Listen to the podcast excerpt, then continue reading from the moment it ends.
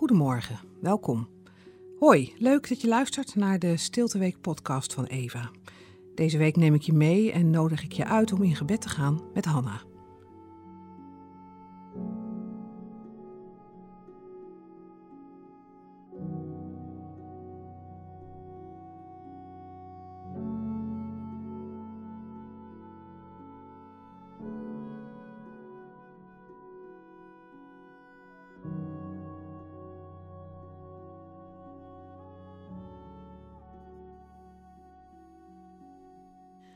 Donderdag, dag 5. Wensen. Steek een mooie kaars aan. Lees 1 Samuel 1 vers 1 tot en met 2 vers 11. De gelofte van Hanna en de geboorte van Samuel. In Rama, in de streek Soef, in het bergland van Ephraim, woonde een man die Elkana heette. Hij was een zoon van Jerogam, die een zoon was van Elihu, de zoon van Togu, de zoon van Suf, en behoorde tot de stam Ephraim. Hij had twee vrouwen. De ene heette Hanna en de andere Penina. Penina had kinderen, maar Hanna niet. Elk jaar ging deze man vanuit zijn woonplaats naar Silo om daar de Heer van de hemelse machten te vereren en hem offers te brengen. Gofni en Pinegas, de twee zonen van Eli, waren daar priesters van de Heer. Wanneer Elkana zijn jaarlijkse offer bracht, gaf hij zijn vrouw Penina en haar zonen en dochters een stuk van het offervlees maar het mooiste stuk gaf hij aan Hanna, want haar had hij lief, ook al hield de Heer haar moederschoot gesloten. Haar rivalen kwetsten haar dan diep door haar te sarren, omdat de Heer haar geen kinderen gaf. Zo ging het jaar in, jaar uit. Elke keer als ze naar het heiligdom van de Heer gingen, treiterde Penina Hanna zo erg dat ze begon te huilen en haar eten liet staan. Toen dat weer eens gebeurde, vroeg Elkana: Waarom huil je, Hanna? Waarom eet je niet en waarom ben je zo bedroefd? Beteken ik niet meer voor je dan tien zonen? Na de maaltijd stond Hanna op en ging naar het heiligdom van de Heer, waar de priester Eli op een bankje bij de ingang zat. Diep bedroefd bad Hanna tot de Heer. In tranen legde ze een gelofte af. Heer van de hemelse macht, ik smeek u, heb toch oog voor mijn ellende. Denk aan mij, uw dienares. Vergeet mij niet. Schenk mij een zoon, dan schenk ik hem voor zijn hele leven aan u. Nooit zal zijn haar worden afgeschoren. Terwijl Hanna zo bad, keek Eli opmerkzaam naar haar mond. Ze bad namelijk in stilte. Haar lippen bewogen wel, maar haar stem was niet te horen. En daarom dacht Eli dat ze dronken was. Hij sprak haar aan en vroeg: Gaat dit nog lang zo duren? Als u dronken bent, ga dan uw roes uitslapen. U vergist u, heer, antwoordde Hanna.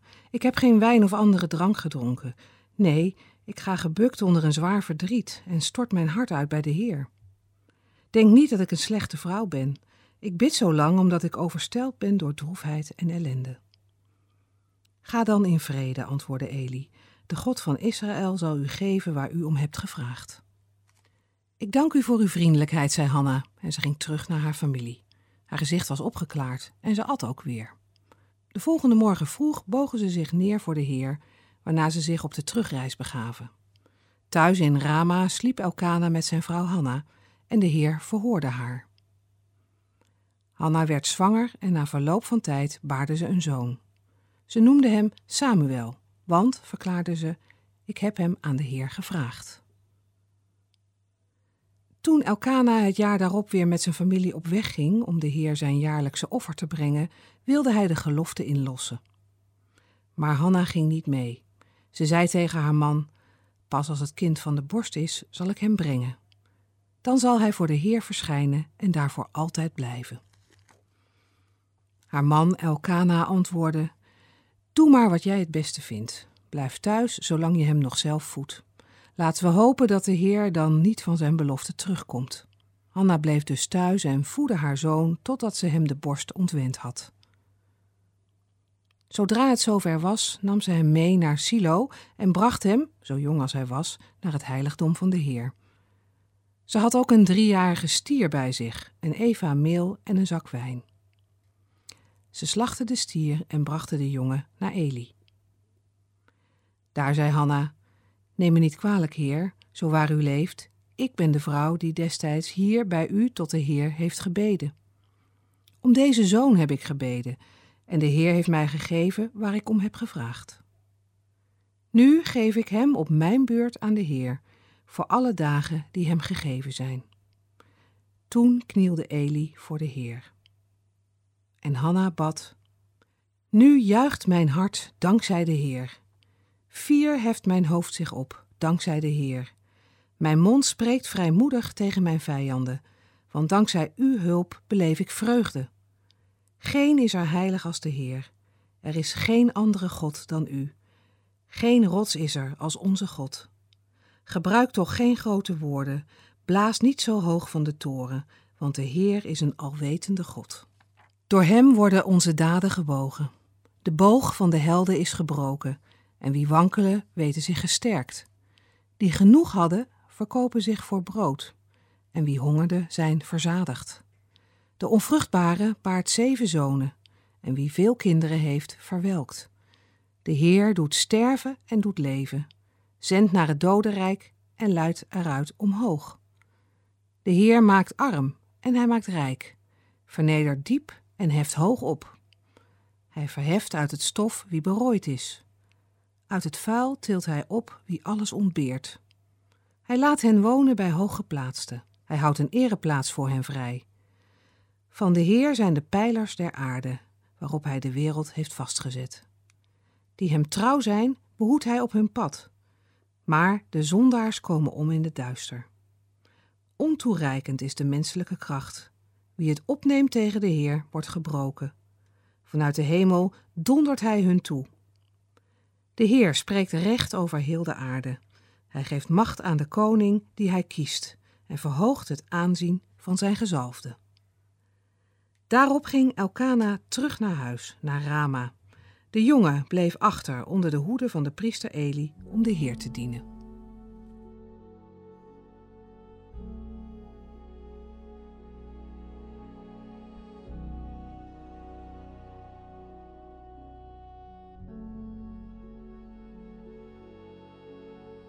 Ik ben de vrouw die destijds hier bij u tot de Heer heeft gebeden. Om deze zoon heb ik gebeden en de Heer heeft mij gegeven waar ik om heb gevraagd. 1 Samuel 1 vers 26b tot en met vers 27. Wat is Hanna blij met haar zoon? Ze weet, dit is een geschenk van God. In de tempel zoekt ze Eli op en aan hem laat ze Samuel het geschenk van God zien. Door anderen te vertellen over Gods werk in ons leven kunnen we hen bemoedigen en aansporen in hun leven met God. Wat heeft God in jouw leven gedaan? Misschien wel door pijn en verdriet heen. Wat getuigt van Zijn goedheid? Zou je dit met anderen kunnen delen? Hoe zou je dit kunnen doen?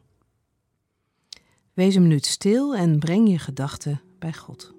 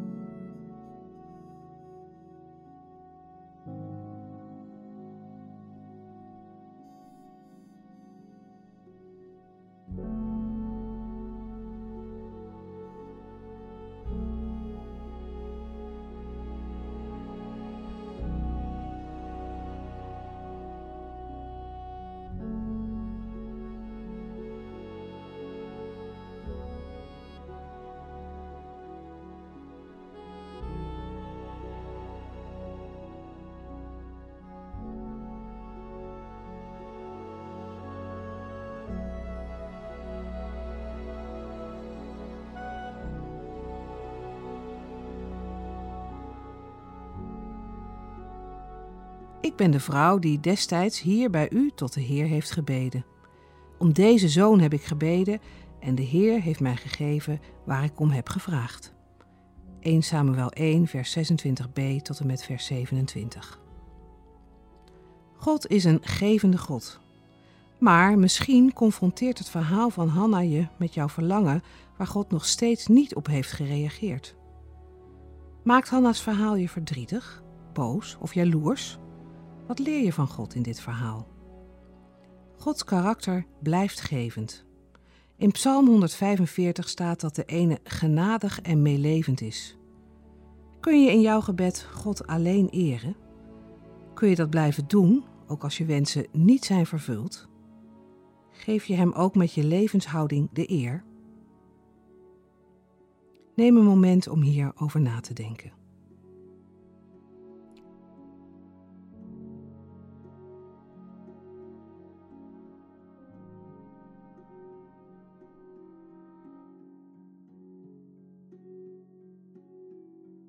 Bid hardop het volgende gebed aan de hand van Psalm 145, vers 7. Rechtvaardig bent u, Heer, in alles wat u doet. U blijft trouw aan uw schepselen.